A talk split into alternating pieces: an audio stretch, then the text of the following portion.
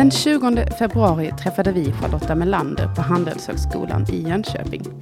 Charlotta är professor i nationalekonomi med inriktning mot regionalekonomi. Tillsammans diskuterade vi vad som gör en stad attraktiv eller inte, de tre viktiga tena för tillväxt, urbaniseringens framfart och vad det kommer att betyda i framtiden, samt varför Åre som ort har lyckats så bra.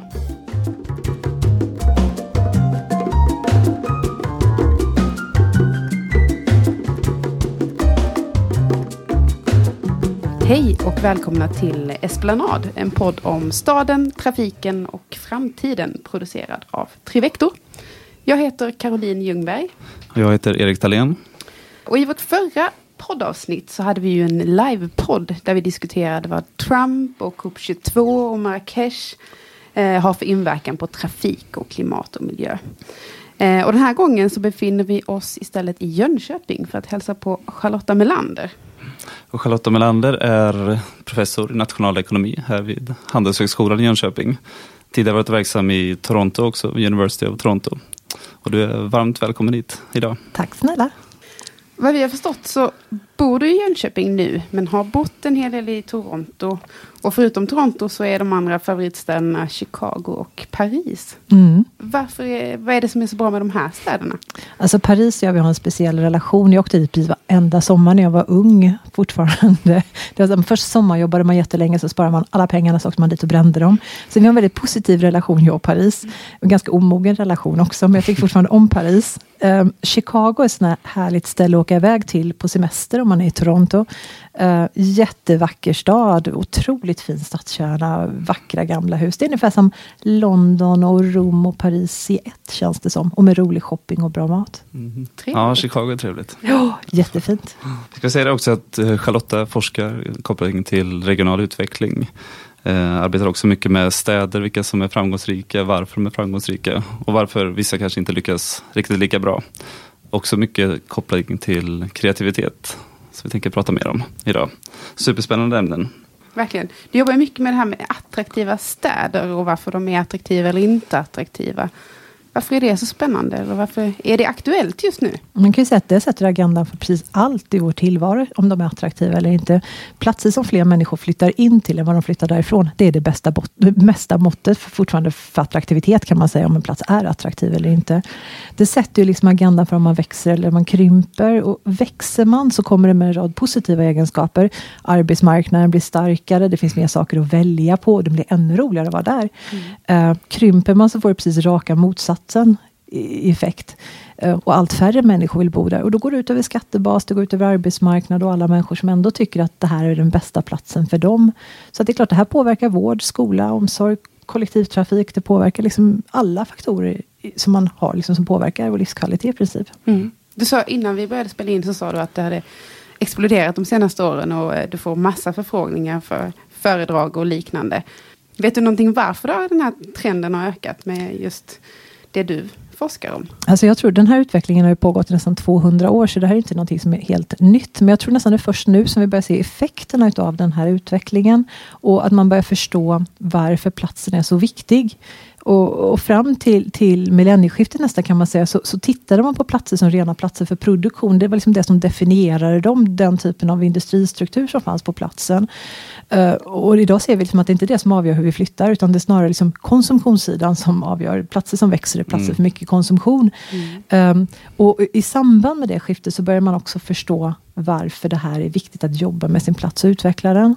Eh, men när jag började skriva min avhandling 2001 så vet jag att jag gick till min professor och sa att jag ville skriva om den här liksom, platsens attraktionskraft. Och svaret var liksom att det kan du absolut inte göra, det är ingen som är intresserad av det. Då skulle man koncentrera sig på porter och klusteranalys och IT-sektorn. Um, nu blev det som det blev i alla fall. Mm. Och under den här tidsresan som jag gjorde då, liksom, när jag skrev min avhandling, så ändrades ju klimatet fullständigt. Och idag är det ju jätte i ropet. Mm. Och det finns inte en kommun som inte förstår att det här är viktigt längre. Mm. Nej, verkligen. Verkligen aktuellt. Um, annan sak som du har jobbat mycket med också, det är Richard Florida i Toronto, universitetet där. Han har väl på något sätt blivit lite av en, en rockstjärna inom det här skrået och inom det ni utvecklar och arbetar med. Kan man ju säga. Och någonting som ni tar upp väldigt mycket i forskning, det är den här kreativa klassen. Kan du berätta lite mer vad, vad det innebär och, och vad det har för påverkan på städer idag? Mm, absolut, så kan jag bara säga, alltså Richard är inte någon rockstjärna för mig då, men, uh, utan en god samarbetspartner. Uh, Alltså det här med kreativa klassen. Jag, jag, tror att det som gjorde den framgångsrik, hela den här teorin, så var det att den var ganska snyggt paketerad. Folk kunde liksom ta till sig den. Mm. Men man kan säga att teorierna är egentligen väldigt gamla. Han är inte den första att säga att de här grejerna är viktiga. Uh, det här med humankapital hade man ju belyst liksom sedan 60-talet, hur viktigt det var att investera i framförallt utbildning. Han tittade bara på det på ett annat sätt. Alltså, snarare att se vad har du studerat, tittar han vad gör du på jobbet. Men, men fortfarande var det ju som samma perspektiv egentligen som man har haft i decennier innan mm. inom den här forskningen. Uh, men som sagt, jag tror just att han, han, tog de teorierna och kopplade ihop det med stadsutveckling och regional utveckling. Plus paketerade lite snyggare gjorde att det mm. ändå fick ett starkare fäste än vad vi har sett innan. Kan man berätta lite mer om alltså en stad där det karaktäriseras av den kreativa klassen? Kan man exemplifiera det på något sätt om man inte har hört begreppet tidigare eller mm, vet alltså, lite mer vad det är? Man kan säga så här, kreativa klassen, om vi bara ska göra en kort beskrivning av vad det är, så är det alltså människorna som går till jobbet och får betalt för att tänka, kan man säga. Kunskapsarbetare, mm. om man så skulle vilja. Uh, och, och, Det som han gjorde då i den här boken som kom ut 2002, så var att se att de var klart överrepresenterade på vissa platser som hade viss typ av livsstil och vissa kvaliteter i kombination med en stark arbetsmarknad. Um, och, och förde då fram tesen att man flyttar inte bara för att man vill ha ett bra jobb, utan man vill ha liksom det bra jobbet i kombination med livsstilen. Och så börjar man titta på vad är det då för livsstilsfaktorer som verkar spela roll. Uh, och, och, då handlade det väldigt mycket om det här som han kallar consumer amenities. Alltså uh, ja, men utbud av restauranger, barer, kaféer, upplevelser av olika slag, kultur och liksom hela det här paketet. Uh, och det fick ganska starkt genomslag hos mm. många regionalpolitiker runt om i landet och i världen. Jättespännande. Och mer liksom att människor drar till sig kanske arbetstillfällen snarare än tvärtom. Ja. Som det tidigare pratats om. Precis. För mig när jag tänker på det lite grann så Berlin tycker jag ploppar upp som en sån stad om man pratar om Europa istället för Nordamerika kanske. Där man har haft möjlighet att dra till sig kreativa människor och kunnat bo ganska så billigt och, mm. och starta upp det underifrån på något sätt. Nutida kontext också. Ja, men det handlar ju mycket om de här platserna som man har känslan av att här, man kommer till dem. Det är en bra plats för väldigt många olika typer av grupper att vara där. Det händer grejer, man tycker att det verkar intressant och kul. Man känner, får känslan av att här, här är det kul att vara. Mm. Ett sätt att försöka fånga den känslan med siffror kan man säga, var mm. egentligen det som gjordes. I din forskning så pratar du ganska ofta om det här med tre T för tillväxt. Alltså teknologi, tolerans och talang. Och det är ju superspännande. Varför är det just de här tre? Man kan säga att återigen så är det inte mina tre ten utan det är Richards tre ten som Richard. kommer från den här boken. Men som vi har som plockat upp också och utvecklat vidare i vår forskning. Eh, och återigen så bygger det här på gammal forskning, bara en ny kombination kan man säga. Mm. Alltså kopplingen mellan teknologi och tillväxt kommer ju från Schumpeter på 40-talet och Solow på 50-talet och liksom framåt. Det är en gammal tradition som visar liksom att teknologi är med och driver tillväxt. T-talangen, alltså högutbildade, kreativa, drivna. Det finns också jättemycket forskning också som Becker och Minzer och så framåt som var liksom 60-70-tal framåt. Som, jättemycket forskning på det här. Så att det här är inte något nytt på något sätt. Lika lite som toleransfaktorn. Så kan jag säga, vi använder aldrig ordet tolerans riktigt när vi forskar, utan vad vi pratade om så var det platser med låga inträdesbarriärer. Mm. Platser som det är lätt att flytta till. Eh, platser som är villiga att lyssna av nya idéer. Eh, för att du kan ha jättemycket kreativa, drivna, duktiga människor, men är vi inte villiga att lyssna av deras idéer, utan säger att äh, det får du göra någon annanstans, så får vi inte liksom, ekonomisk utväxling på dem. Uh, men hade han sagt liksom, teknik, talang och låga inträdesbarriärer, så hade ingen mm. jäkel kommit ihåg L. Utan då blev tolerans jättebra istället. Ja. Eh, så blev det tre T. Men det här är också en mycket bredare forskningstradition som Ronald Inglehart till exempel, som har gjort på nationell nivå i det han kallar World Value Survey. Där han har kopplat ihop tolerans och ekonomisk tillväxt i länder. Mm. Så att det finns ju liksom en historik och en grund som kommer från andra forskningstraditioner kan man säga, men som drogs ihop i ett och sen så då placerades in i staden som arena kan man säga. Mm. Mycket baserat på Jane Jacobs som var jättestor på 60-talet och framåt. Så det är liksom en, en mix av alltså ganska dominanta forskningstraditioner som förs ihop i ett här. Mm. De känns ju väldigt aktuella nu också. Om man tittar tolerans och det här med öppenhet. Det är väldigt tydligt för mig som bor nere i Malmö och som får visa passet varje gång jag varit i Köpenhamn. Mm. Och, med stängda gränser och liknande, känns det som att det kommer bli än mer viktigare. Ja, det tror jag delvis. Och samtidigt ska man också komma ihåg att Richard Florida har ju aldrig någonsin uttryckt att det är eh, alltså, att öppna gränser rakt av skulle vara lösningen på Nej. tillväxt. Utan det är naturligtvis frågan om att, att skapa en fin balans mellan de här grejerna och ta ett ansvar för utveckling och så vidare. Och, så att säga, ett ganska opolitiskt sätt att se på det. Utan att försöka ha en fin balans mellan de här faktorerna. Och klart, stängda gränser är inte någonting någon rekommenderar överhuvudtaget. Men, men samtidigt handlar det också om att ta ett ansvar för utveckling och så vidare. Så att, um, så att det, det, är en väldigt fin balansgång det där. Mm. Jag skrev en artikel i Dagens Nyheter om det för ett tag sedan. För att jag har varit ute och föreläst i väldigt mycket kommuner genom åren. Um, och i väldigt många kommuner som har gått dåligt länge så hör jag nu hur man säger att nu växer vi igen. För man har tagit emot väldigt mycket flyktingar. Eh, och det är klart att jag tycker att vi hade ett ansvar att ta emot mycket flyktingar när det ser ut som det gör i Syrien. Eh, och, på andra ställen också för den delen. Men är det då så att säga, långsiktigt hållbart att placera de här i kommuner som från början har en dålig tillväxt, svag arbetsmarknad och så vidare. Och, och, jag menar att man skulle behövt diskutera det här mycket bredare för att faktiskt ha det långsiktigt hållbart också.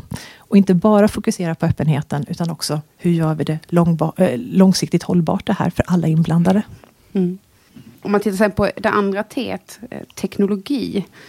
Eh, det hänger ju väldigt väl ihop med allt som händer nu med digitaliseringen. Alltså hur kommer, hur kommer städerna att stå sig i det här med digitaliseringen? Jag menar städerna är ändå ett ställe för att mötas. Mm.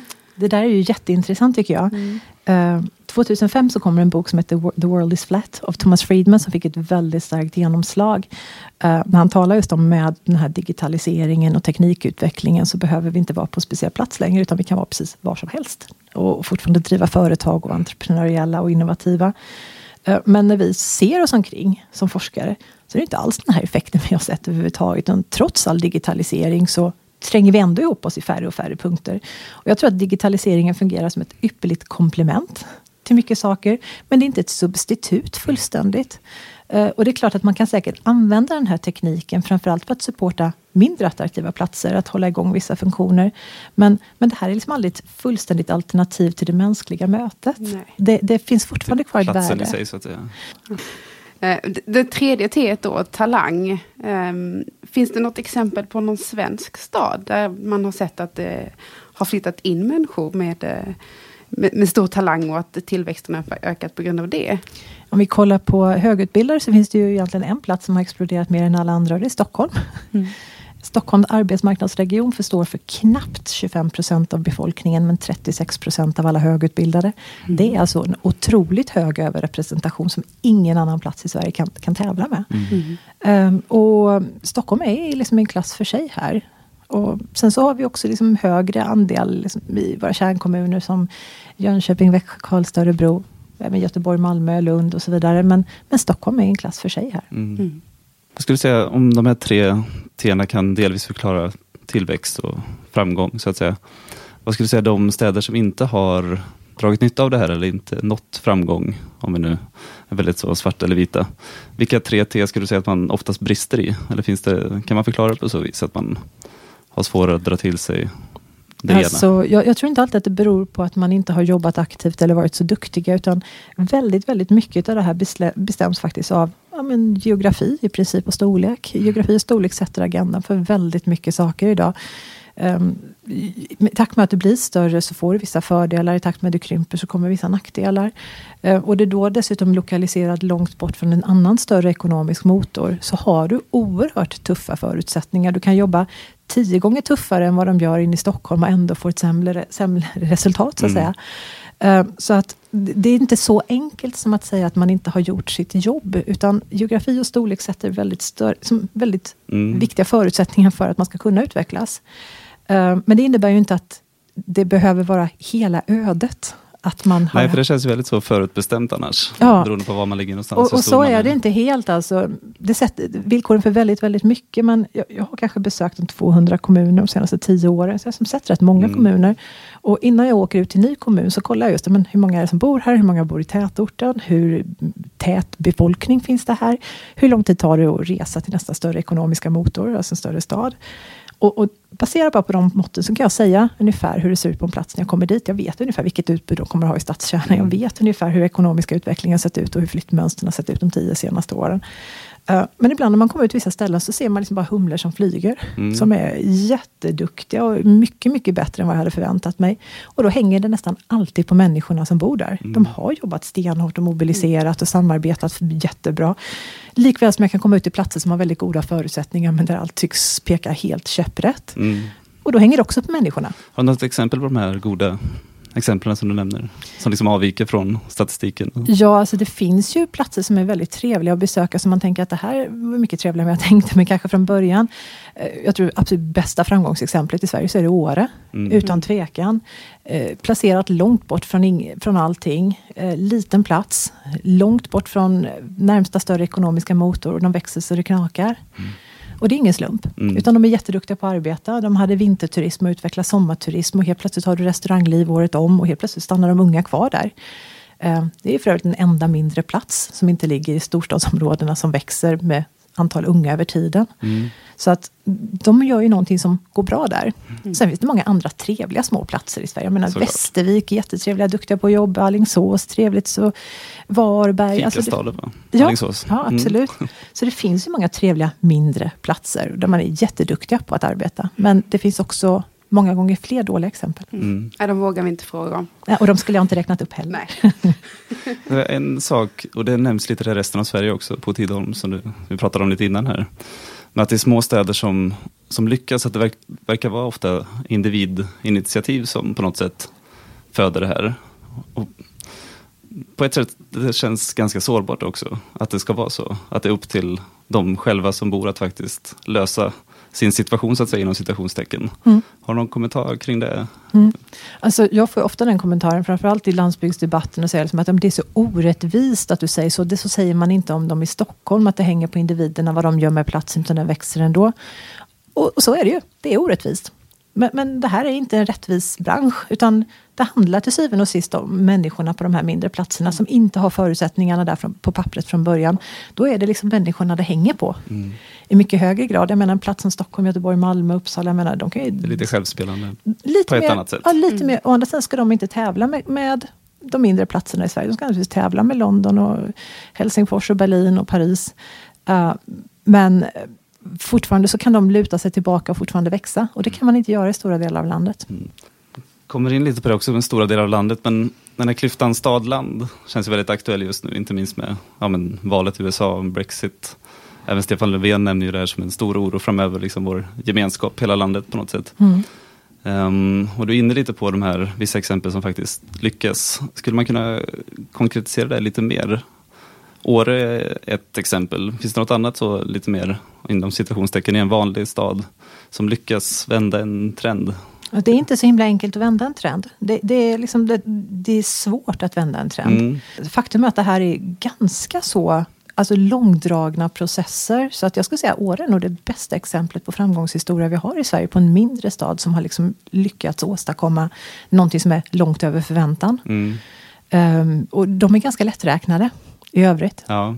Om man går upp i storleksnivå lite på stad då, liksom, inte landsbygd kanske, Åre exemplet, men lite större stad eller till och med ännu större stad. Finns det några exempel där som man kan se?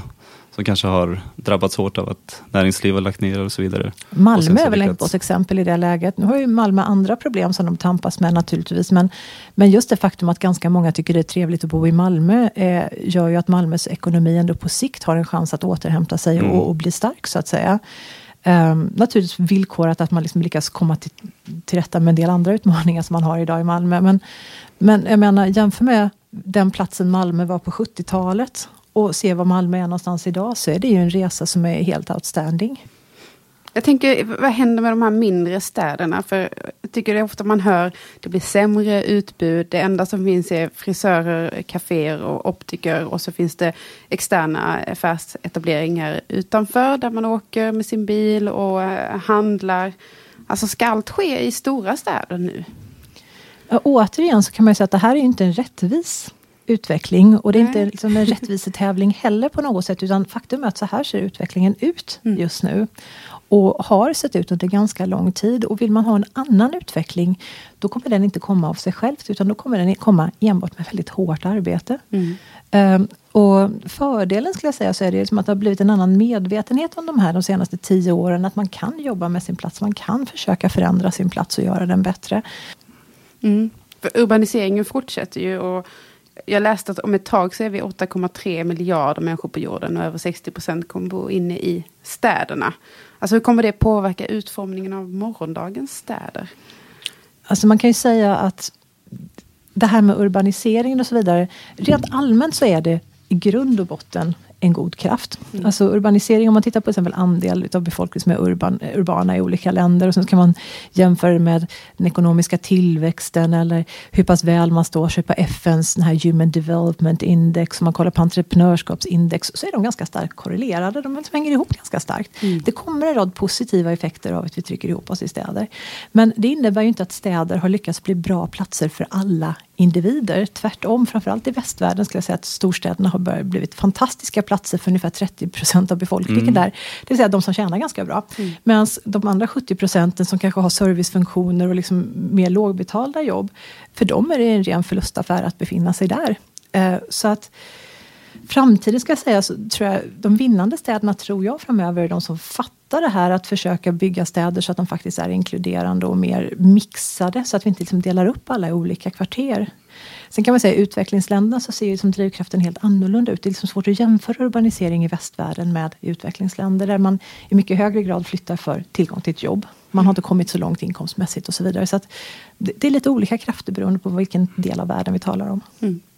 Tittar man på, på västvärlden, men, eller som i Sverige, så ser man de stora städerna men att boendepriser och så vidare ökar ganska radikalt egentligen de sista, i alla fall tio åren. Mm. Så det känns som att det pekar också lite åt ett annat håll än när vi pratar om också med inkluderade städer. Att, att många ska ha möjlighet, men det kanske, om det är 30 procent idag, den siffran kanske riskerar till och med att och sjunka lite grann. Ja, alltså, Låter det som... alltså boendena har ju blivit otroligt dyra. Alltså häpnadsväckande dyra. Och jag kollade på det för ett tag sedan. Hur många årslöner som krävdes för att köpa ett hus i svenska kommuner. För man har gjort exakt samma studie i, i, i Storbritannien och kommit fram till om det var 12 eller 13 årslöner för att köpa ett hus mm. i London. Ja, men Stockholm och Solna var som 18-19 årslöner. Mm. Eh, så att Sverige tycker jag har stuckit iväg något alldeles galet mycket. Mm. Eh, även jämfört med till exempel New York, San Francisco som är liksom jättedyra platser så ligger som Stockholm Solna mycket högre upp. Mm, intressant. Eh, och det är ju häpnadsväckande kan man säga. Mm. Eh, men, men, det handlar inte bara om det här med husprisen utan också det här att vi tenderar att liksom, som säga, homogenisera våra kvarter. Alltså att samma människor bor i samma kvarter. Mm. Alltså alla har ungefär samma typ av bakgrund och samma typ av kunskapsjobb. Och man, alltså, det gör ju liksom att man träffar inga andra än sådana som kan ungefär samma grejer som en själv. Mm. Uh, och, och just det här, liksom, jag menar, stadens styrka är ju mixen av människor som byter idéer med varandra. Nya idéer uppstår, så liksom innovationer och, och grejer som kommer från det. Uh, här istället så trycker vi ihop alla samma och sen så pratar man om samma grejer. Och sen så helt plötsligt så vaknar man en morgon så har Trump blivit president och ingen mm. fattar vad det var som hände. Mm. Uh, det här riskerar vi naturligtvis att se i Sverige på sikt också. Mm inte bara eh, på tal om eh, staden, men någonting vi brukar prata om. Ehm, det är regionen. För vi lever på ett helt annat sätt idag än vad vi bara gjorde för ett antal år sedan. Eh, vi reser mycket längre. Vi vill ha det allra bästa boendet kombinerat med det bästa jobbet. Vilket gör att vi arbetspendlar mycket mer än tidigare. Vi brukar säga att regionen är den nya staden. Håller du med om det? Alltså för mig när jag tänker på regionen så känner jag till och med att regionen inte är en enhet längre. Um, regionen består oftast av en väldigt stark kärna. Mm. Och så finns det en kranskommun som oftast går ganska bra. För dit flyttar alla de som inte ville bo i lägenhet men ändå ville ha ett bra boende och en bra plats att växa upp på. Och resten går väldigt knackigt. Mm. Och så där ser det ut i alla regioner i Sverige idag i princip. Mm. Om man inte är Stockholm, Göteborg, Malmö. För då har man lite starkare kärna som spiller över på omlandet. Uh, men, men, det är liksom en stark kärna, en kranskommun som går hyfsat och resten går ganska knackigt. Så att jag kan inte se liksom riktigt regionen som en enhet längre. Mm. Även om jag ser att det är regionen som är grunden för alla pendlingsmönster och så vidare. Det är klart liksom att man rör sig ekonomiskt i de här mönstren. Men utvecklingen ser väldigt olika ut beroende på var man, var man befinner sig inne i regionen. Jag funderar också på, du, började med att berätta om det här med att innan handlade mycket om att eh, städerna skulle producera saker. Och det mm. var eh, mycket fabriker och sånt som styrde att det var, faktiskt var en stad. Men det måste ju fortfarande ske alltså, produktion på grund av den ökade befolkningen på jorden och allt sånt. Behöver mm. vi producera mer och mer och då behöver vi sedan transportera det långt in till städerna där, där alla bor. Mm. Vad tänker du om det? Alltså, förr i tiden var transporter jättedyra. Och det var ju transporterna som satte villkoren för hur man la produktionen, alltså närheten av råvarorna egentligen. Eh, och sen så försökte man minimera transporterna genom att ha hyfsat närhet till sina marknader också. Idag kan du liksom skeppa ett par jeans från Kina för 50 öre liksom till den europeiska marknaden. Transporter är inte dyrt längre.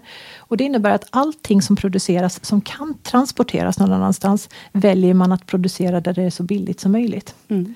Eh, så att det är liksom inte produktionen som definierar platsen längre.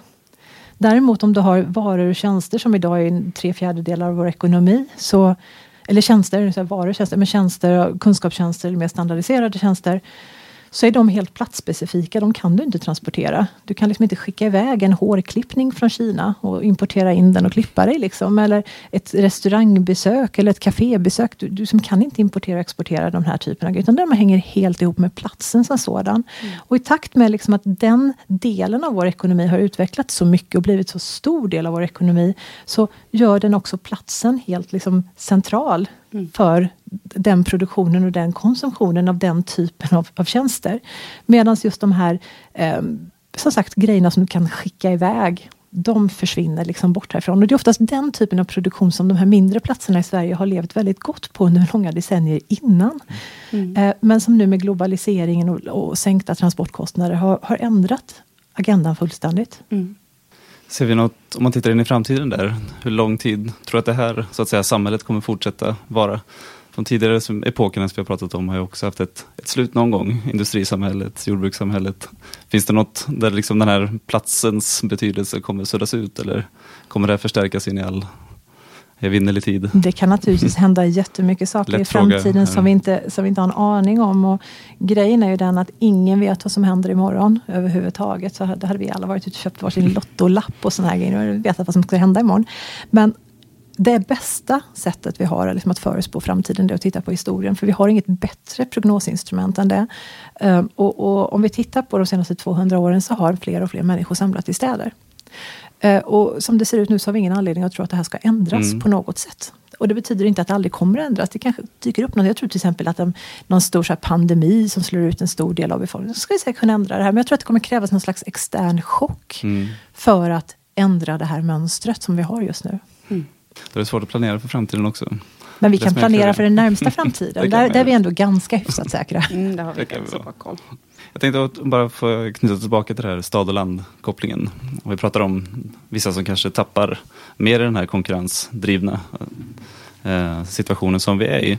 Finns det några, om man tittar på samhällets initiativ, kan man göra någonting för att stötta upp som inte kanske är ett marknadsinitiativ utan finns det några exempel på ja, egentligen politiska reformer som kan hjälpa de som hamnar lite efter i den här konkurrensen?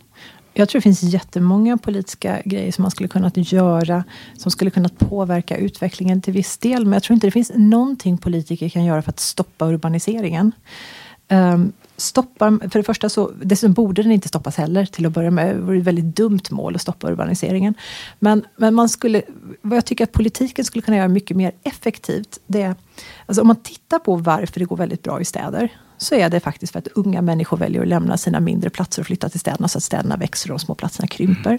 Så det är en slags import av unga människor från resten av landet. Och på grund av detta växer städerna ofantligt bra och starkt då tycker jag liksom att politiken borde komma in här och fundera på hur kan vi ta en del av de värdena som skapas då i städerna och se till att vi säkrar livskvaliteten på alla de här platserna som faktiskt exporterade sina unga i mycket högre grad än vad vi har gjort mm. hittills. Mm.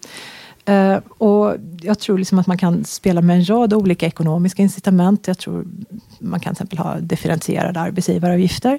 Kanske ska fundera på om man ska ha statlig inkomstskatt på platser som har negativ nettomigration jättelänge.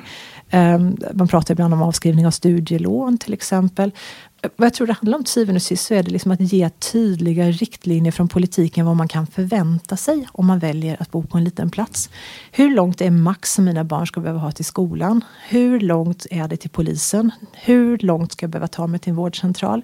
Att faktiskt få lite klara besked istället för att säga att hela Sverige ska leva ja. gång på gång, vilket mm. alla ser att det gör inte hela Sverige. Jag, hade, eller lyssnade till dig på, ett annat företag du höll som jag tyckte var intressant. Det är också det här yngre flyttar ifrån de mindre orterna och befolkningen så att säga blir äldre och äldre. Men också att som stadsplaneringsperspektiv att då anpassar man de orterna till en åldrande befolkning. Mm. Och att det liksom blir en ond spiral på så vis också. Det mm. var ett spännande resonemang där. Kan du utveckla det lite grann? Ja, alltså, i takt med att unga människor flyttar från en plats, så ett så blir befolkningen äldre på grund av att de yngre försvann, så medelåldern ökar. Sen så föder man färre barn också när man blir äldre, så blir man ännu äldre jämfört med andra platser. Eh, och i takt med liksom, att medelåldern ökar allt mer, så anpassar man oftast platsen till att bli en plats just för en äldre generation. Mm. Eh, och man har väldigt svårt för att se att det skulle kunna att man skulle behöva göra någonting som attraherar de unga för det känns stökigt och vad jobbigt det skulle vara. Vad ska vi göra? Oväsen och, och sådana här grejer. Ehm, det finns en kommun här i regionen där ungdomsrådet la fram som förslag att man skulle jobba för att få dit Max eller Burger King eller något liknande till platsen. Ehm, och förde fram det här i lokaltidningen. Och dagen efter så ser man liksom på Facebook hur 50 medelålders människor har skrivit hur, att unga inte borde äta så mycket hamburgare. Mm. Alltså man har liksom inte fattat att de vill ha en mötesplats. Den har liksom blivit för gammal platsen. Mm. Och det här, är inte, det här kunde ha hänt i vilken kommun som helst mm, i landet. Alltså, men det är just det här som händer när man blir äldre. Man har väldigt svårt att förstå att de unga har en helt annan syn på vad de vill ha idag än vad man hade själv när man växte upp. Mm. Jag har varit och hållit föreläsning på en annan mindre kommun där jag vet jag pratar om det här, liksom att vitsen av att ha mötesplatser också för unga och att de ska ha en plats som känner liksom att det här är deras plats. Och det var en äldre man som räckte upp handen och sa, ska vi bara ha massa barer här nu då? Och så när jag växte upp här så hade vi hembygdsgården och det dög gott till mig, sa mm. han. Och det är klart att det här är ytterligheter, men, men det, det, finns liksom en historia i det här, liksom att just att man, man anpassar platsen mm. för 50-plussare. Mm. Samtidigt som det är 18 till 35-åringarna som flyttar. Mm. Vi läste faktiskt i en eh, artikel från SCB i morse eh, om det här med urbanisering. Och eh, man hör att folk flyttar från eh, land och flyttar in i städerna. Men att det faktiskt inte bara är så, utan att det är invandring och det beror på fler födda barn och att det faktiskt inte är så illa som man kan tro. Är det så illa eh, på, landet? Mm. Det här har ju förts fram från flera håll. Eh, och fortfarande om man tittar på det här viset så är det fortfarande storstadsregionerna som växer mest. Och framförallt så, jag tycker om det här när man säger liksom att ja, men det är för att man inte föder så mycket barn. Jag menar, det här är ju nästa steg. Om väldigt många unga har försvunnit från en plats väldigt länge och då höjer medelåldern från 40 till 44 år. Tror 17 att barnafödandet faktiskt kommer påverkas som nästa steg. Mm. Uh, och sen är det klart att uh, alltså hela den här flyktingvågen som kom har naturligtvis påverkat demografin mm. i, i svenska kommuner. Uh, samtidigt som vi vet nu liksom att de kommuner som tog emot allra flest flyktingar förra året så var det de som hade negativ nettomigration och hade krympt under lång tid. Där fick man upp till 200 gånger fler per invånare än vad många storstadskommuner tog. Samtidigt som Arena för tillväxt har gjort en studie som tittar på tidigare flyktingströmmar som har kommit till Sverige, hur de har flyttat.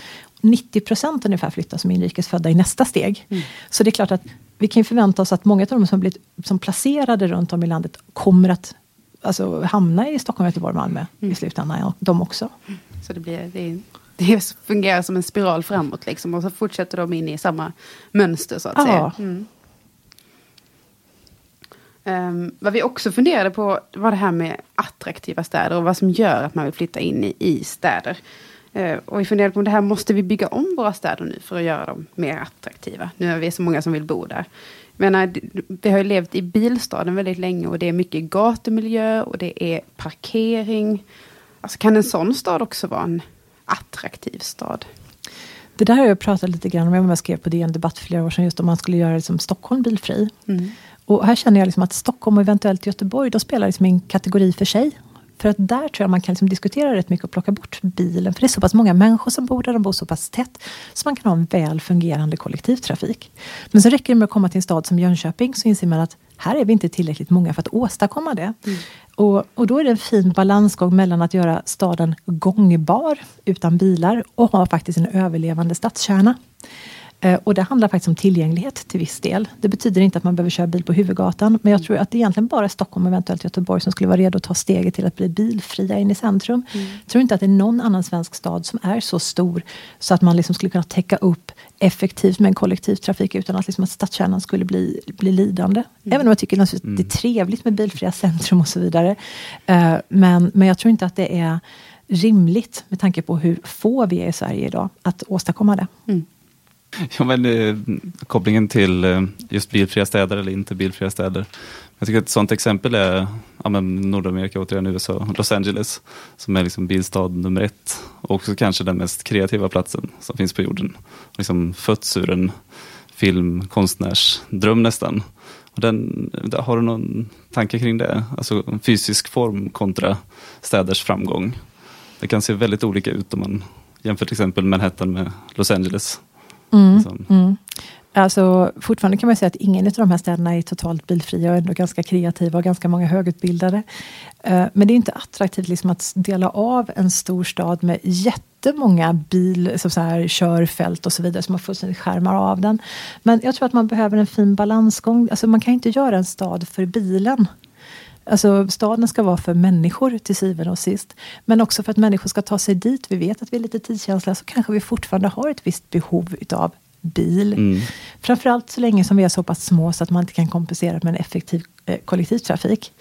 Eh, och det är klart att en, en, stad som Los Angeles så blir det svårt för där har man spritt ut allting så himla mycket. Men en stad som Manhattan, ja men där kan man liksom börja diskutera. Där kan man liksom kompensera faktiskt till viss del med, med kollektivtrafik. Så att formen hänger ihop lite grann med hur pass väl man kan liksom lägga till kollektivtrafiken istället. Så mm. formen spelar ju roll. Uh, men jag vet också liksom att väldigt många säger att vi borde ta bort bilen helt. Och jag tror inte att de flesta städer är redo för det helt och hållet. Men som sagt, bort med bilarna precis från absoluta stadskärnan. Men jag tror att liksom försöka integrera de två utan att de stör varandra. Det tror jag faktiskt är ganska lämpligt på sikt. Mm. mm. Det börjar bli dags att uh, runda av det här poddavsnittet. Um, och vi, vi, har en liten tanke med oss. Eh, vi läste på din blogg eh, om det här med framgång föder framgång. Alltså en region som attraherar den kreativa klassen, genererar högre produktivitet och vinst, leder till tillväxt, eh, högre skatteintäkter som kan försköna det allmänna rummet, leder till kulturell diversitet och förbättrad livskvalitet som i sin tur eh, attraherar den kreativa klassen igen. Så att det är den här eh, spiralen mm. som man hör dig prata om. Det är som ett ekosystem. Mm. Precis. Finns det något slut? Alltså, det är inte meningen att det ska vara slut, det där är ett hjul så att ja. säga. Och hjulen har inget slut på så vis. Men däremot kan man komma åt fel, i fel rullning, åt fel håll så att säga. Och då kan det gå ut ganska fort över ganska många på platsen. Eh, det finns allt för många platser som säger att vi har klarat oss bra utan de där kreativa, utan de drivna, högutbildade alla år innan. Varför skulle vi liksom sikta in oss på dem? Och det är ju väldigt elitistiskt och så vidare. Jag menar, då går det inte bara ut över den gruppen, utan det går ut över samtliga som bor på platsen. Precis. Eh, men det innebär inte, det inte samma sak som att det är den enda gruppen man ska fokusera på. För att man, om man tittar på var de bor så är det på platser som är bra platser för väldigt många olika typer av grupper att vara på. Mm. Så att man behöver förstå liksom hur de här bitarna hänger samman och sen så, så att säga, jobba för att platsen ska bli en bra plats för så många olika typer av grupper som möjligt. Mm. Stort tack Charlotta tack för att vi fick komma och hälsa på dig här i Jönköping. Tack för att ni kom hit. Mm. Hej då. Vill du veta mer om podden eller om Trivector? Besök då trivector.se. Och har du tips eller tankar om podcasten? Hör av dig till esplanad.trivector.se.